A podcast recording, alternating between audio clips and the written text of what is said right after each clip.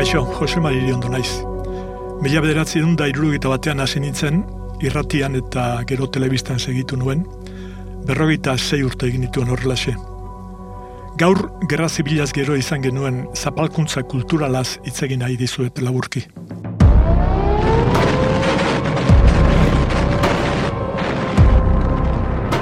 Dekretu eta agindu gogorrez zala ere, ba, Euskara eta gure herriaren izate eta nazio nortasunarekin zerikusia zuen edozein ekintza, ito eta eguneroko bizitzatik kendu, suntsitu eta ezabatu nahi izan zigun Frankoren diktadurak. Eta hogeita amasiko geraz gero gertatu zana berriz, benetako genozidio kulturala izan zen ez gabe. Nik esango nuke genozidio asmo bat egontzala, argita, argita garbi, batez ere hizkuntzaren bidez etorri zana. Zerbait irakurren nahi dizut. Mila bederatzireun da berrogeita mairuko testutxo bat dau. Eskolako nere kuadernotako bada. El caudillo es un hombre extraordinario. Nos libró de unos enemigos muy malos y ahora nos lleva por caminos de orden, paz y grandeza. Que Dios nos conserve y sepamos obedecerle. 30 de septiembre de 1953. Sei urte, bete berriak. Oso garbi dago zer nahi zuten. España, una grande y libre. Mari Carmen Garbendia garbi du, aurra zen garaiko bere esperientzia bide horretatik joan baizen. Nola nahi helburu eta intentzio oso txarren bilduma zen kuaderno hori. Eta nik zer diodan horretaz, ba, galdera horri erantzuteko, hobe aurra nintzeneko nire esperientzia bat kontatzea labur-labur. Katoia zan liburu handi bat, liburu lodi bat, hor den eskolan ikasi behar zen itun danak. Eta hor, e, jartzen zuen eskudu bat eta jartzen zuen este, Espainia una grande y libre. Una esaten genduen bat. Eta libre eta esaten hau etzeo kondo. Libre etzeo kondo. Hau izangoek liebre izangoek hau. Eta guk konkursio batea genuen Espainia zala una grande liebre. Dios, por la patria y el rey, da gu kantatzen genuen, por Dios, por la pata del buey, da nik ez negien ez bata ez bestea zer zen, baina nik horrela kantatzen duen. Ni Xavier Amuriza, zarra dia naiz, bigarren izen bat ere badeukat, Cruz, jarri zidaten, gurutze, maiatzaren irukoa naizelako, bigarren izen horrekin, enitzen jabetu, hogei urte nituen arte, eta orain ba, orduan nintzen Javier, orain naiz Xavier, baina biak.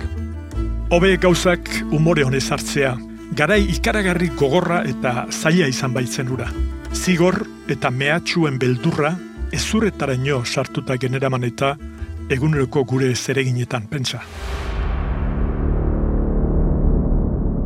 Gure aita kontatzen zituen gauzak, gerrakoak eta horrelakoak eta Euskara nik entzuna nuen, hmm, Euskara ze egitea, ba, toki batzutan arriskutzua zela.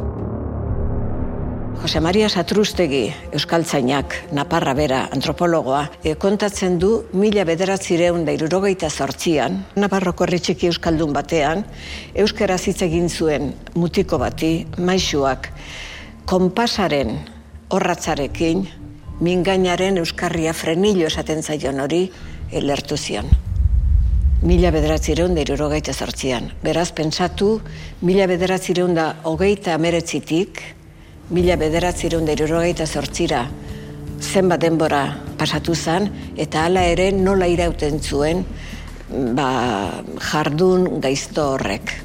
Argitago frankismoaren aginduak azkar eta zorrotz beta behar zirela. Oso garai tristea eta gogorra izan zen ura, giro euskaldun batean bizi nahi genuen ontzat. Gure etxean, Euskaraz bakarrik egiten zen eta entzuten zen. Eskolara iritsi nintzenean, ba, mundu arroz batean sartu nintzen, beste hizkuntza bat, niretzat mundu extraterrestrea bezalakoa zen.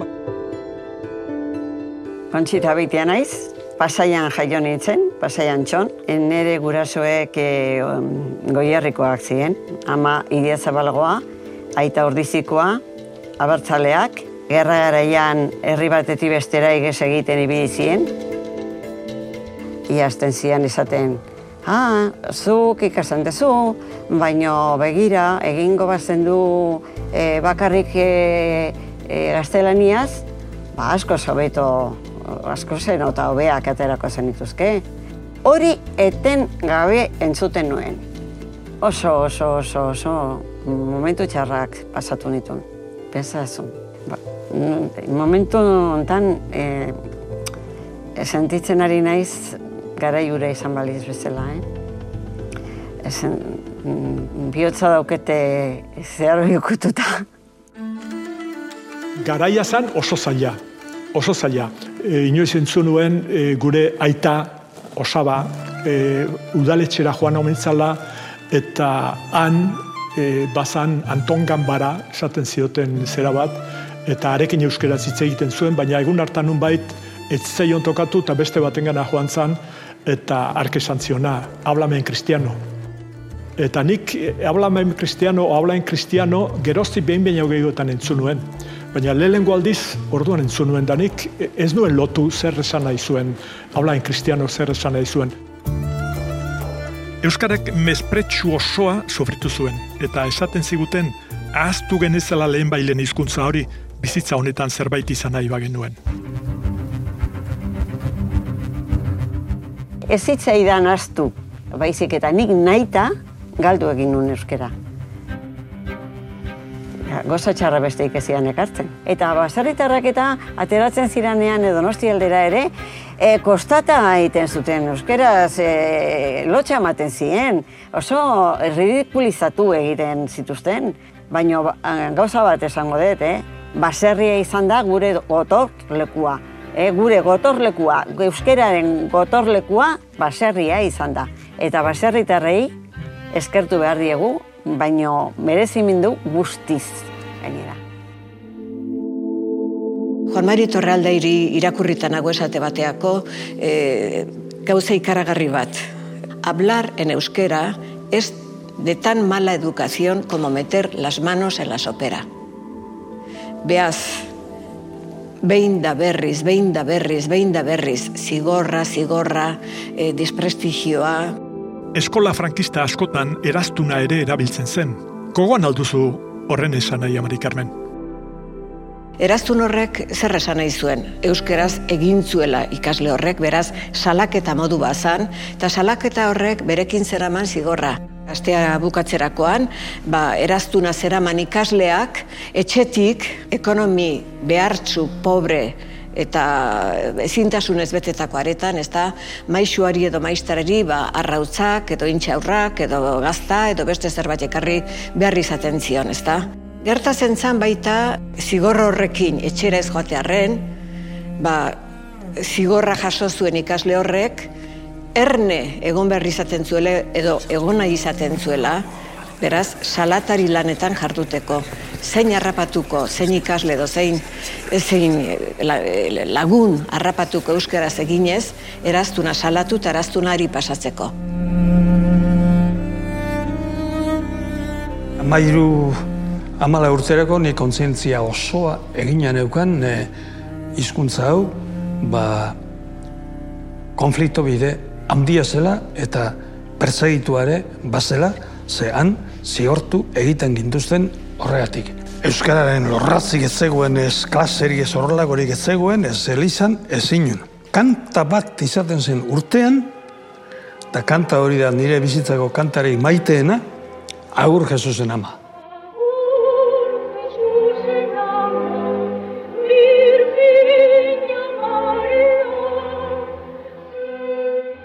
Bazan euskararen aurkakoa, baina horrezaz gain, onomastika kontua zeuden, zenbait e, jardunbide, antzerkia, dantzak, abesbatzak, guzti horretan ere, alegindu ziren gauzak zailtzen edo alzuten neurrian oso gutxitara ekartzen. Mikel Jortzategi naiz, eta lan egiten dut azkanengo hogeita pikurdetan, euskaltzen dian, onomastikako zerbitzuko arduradun bezala. Mila bederatzeun eta mazortzian, idatziz debekatu ziren e, euskal izenak. Debekatu ziren, espresamente esaten zen, e, nombres contrarios a la unidad de la patria, e, como en las vascongadas, con los de Kepa, Koldo, Iñaki y otros. Nik badet lagun bat, amaia du izena, Amaia Aristegi, eta Amaia Aristegiri izena kendu egin zioten. Eta e, Amaia izena kendu eta Providencia jarri zioten. Eta etzen hori okerrena, zenbait kasutan Amaia izena adibidez, itzuli egiten zuten, Maria Fin jarriz. Amaia Maria Fin, pensa. Elizak ere euskara desterratu zuen askotan, sermoi eta itzaldietatik. Naiz eta Elistar askok etzekien fitxik gazteleraz. Eta areago, hilobi eta panteoietan ere debekatu egiten zuten euskara. Beraz, bide bakarra zegoen, klandestinitatea, eta hortxe saiatu ginen egia esateko.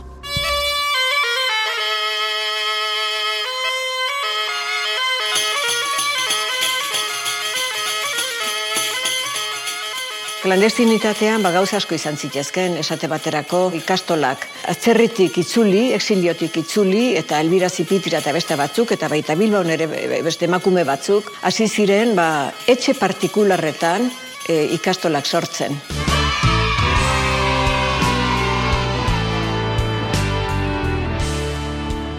etorri zen berrogeita bian. Eta lagun batzuen etxean jarri zen bizitzen. Bere lagun horiek pasituzten seme alaba batzuk, eta beraiekin, berei klase ematen, eta hasi zen lehenen urtean. Eta bigarren urtean, ba, beste lagun batzuen etxea juntzan, eta han ere bildu egin zituen bere umea, gehi aurrek urtean izan zitunak.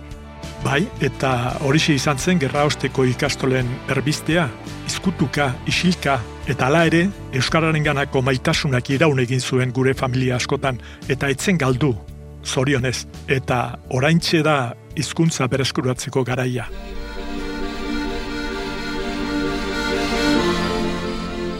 Neurri handi batean, e, regimenak lortu zuen euskararen atzerakada lortu zuen. Baina egia da baita, zenbait familitan, zenbait e, taldetan, e, zenbait pertsonengan, e, euskararekiko maitasunak, leialtasunak, konpromisoak, iraun egin zuela, etzala galdu. Mila bederatzireun da berrogeita zortzitik aurrera, e, gerra egoera hori bukatu zanetik aurrera, gauzak oso apurka, oso oso apurka, hasi ziren aldatzen.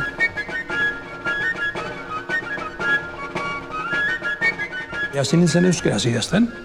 Dorduan etortzen zen, ba, sinatu beharreko hartzi prestea eta beste edezin zuen, baina hau nola da, da zergatik ez. Egin un magisteritza, ella hor hasi nintzen konturatzen eta indartzen. Joan ginen elbiran gana, eta mm, esan nion, ba, bueno, ze kompromisoa hartzen dut, et, et, zurekin eazten bali manaiz euskera ikasten.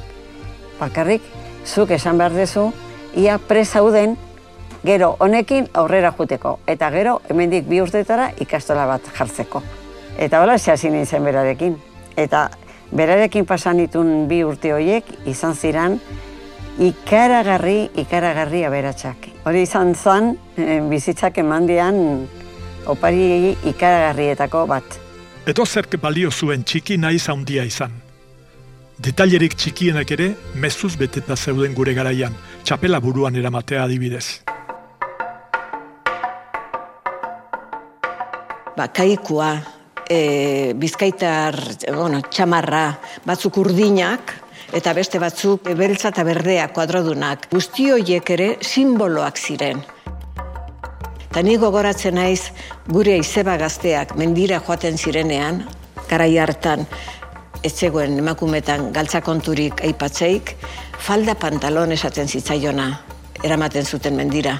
Eta falda, falda pantalon hori zerkin egiten zan tela bizkaitarrakin.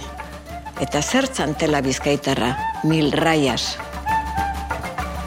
Santak edagunean ateratzea ere bai, baita gabonetan ere eskean, eta ze kantatzen zen duen gaboneta, gabone eskean.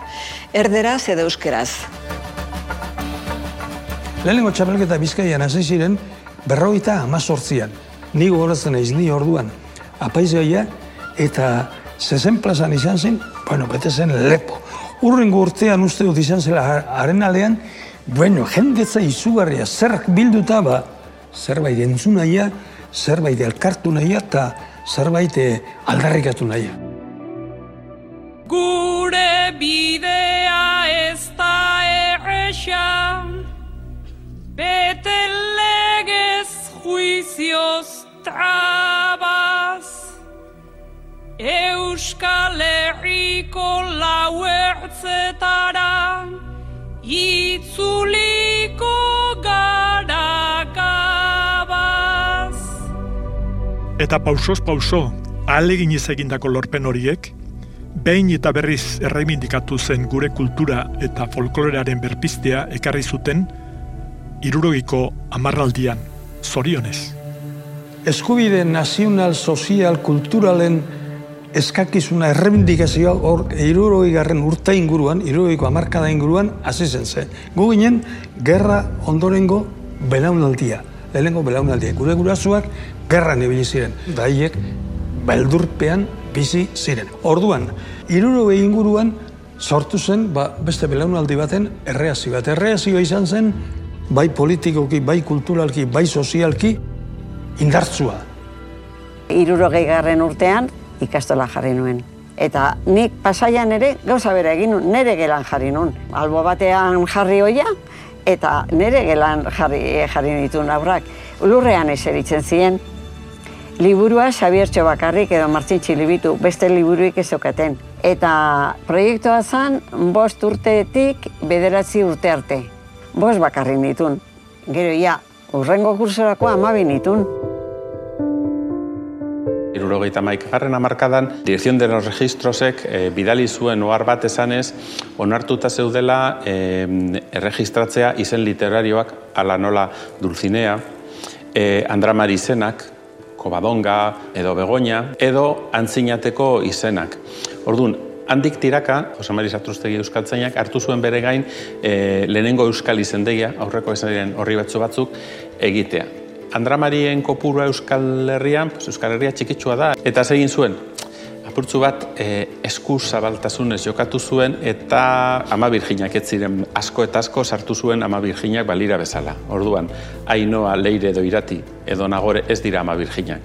Baina berak izen ipini zuen, nagore ama birgina, ainoa ama birgina, irati ama birgina.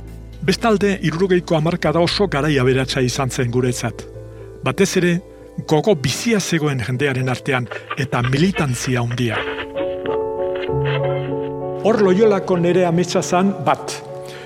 Hau da, jendeari e, erakutsi edo demostrazio batekin gazteleraz edo edozein hizkuntzatan irrati bat egiten den bezalaxe, euskeraz egin zitekeela.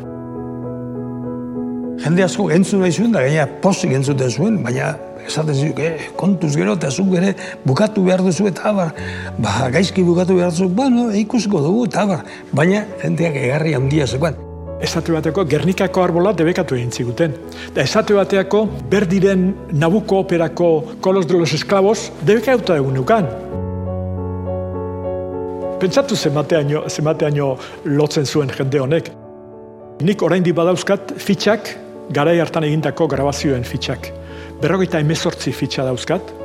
Gara ertan kantatzen zutenak, bueno, lurde sirion do zan bat. Gero azpitian, e, Joni Diabru eta plaentxian, baziran, e, zeak, neskabal eta bimutil. Bergaran urretxindorrak, e, ondarruan argoitean ebarrebak, eta, zeak, eta hoi danak egin genituen grabatu, banaka banaka grabatu, eta irratian hasi ginen ematen.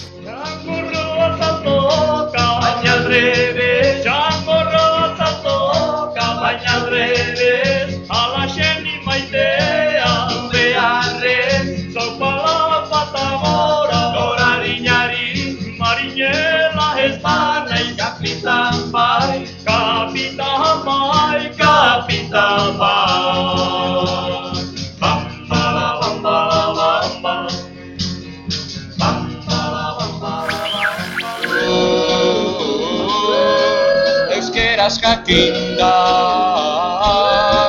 hitz egin bari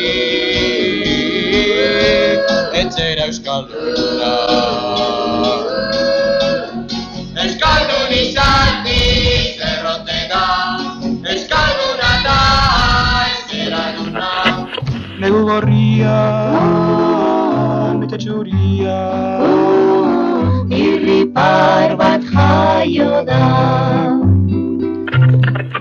Zure espainien, Zure espainien, musu beroa, migan ez dute argitu kabian.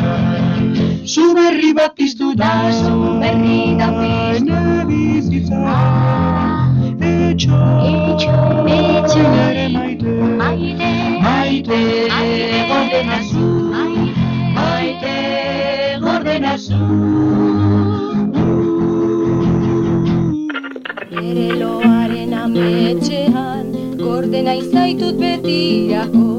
Goatzen naiz e, urrian, urte hartako, e, laro iruita bosteko urrian, lurte zego zein zidan, esan zidan, aizu, e, usurbilgo gazte batek, Jose Antonio Hartzek, nahiko luke zurekin daneekin bilera bat egin. Eta esan, ah, bale, konforme, eh? Handik ama egunera gurean bildu ginen, gure etxean.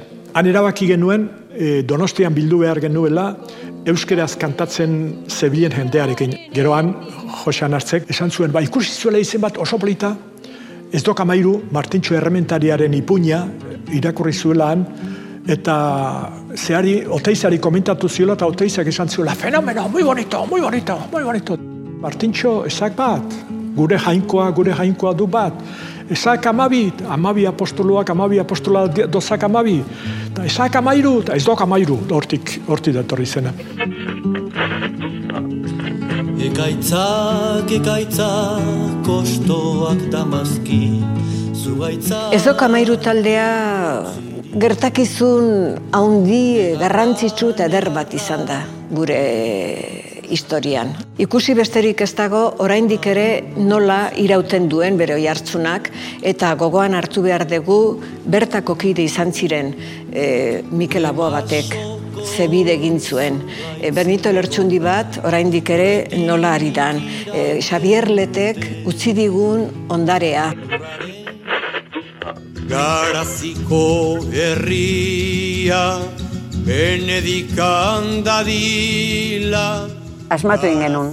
Nik uste nun ez gendula asmatuko, baina bazegoen alako ilusioa. Pasatzen ginean marianistetatik adibidez eta esaten genduen. Egunen batean izango da gure ikastola tamaina ontakoa, ba, konzaita izan zurriola da, edifizio daudela. Osea, ikaragarria. Nik ize izango dizuet, ikaragarria. Euskara, Euskara, jalgia di plazara. Hau bidegabea da, hau gurea da, hau guk eh, defendatu egin behar dugu, hau guk ikasi egin behar dugu, eta orduan hasi ginen, ba, geure albo bide paralelo eta isiletatik, ba, euskara lantzen eta e, aurre egiten egoera gure ustez zapaltzaileari. Bai hizkuntza kontuan da bai beste gauza askotan ere bai. Hogeita maseitik, irurogeita malaura, begira zenbat urte igaro ziren. Baina tarte hortan ez ginen besoak tolostatuta geratu.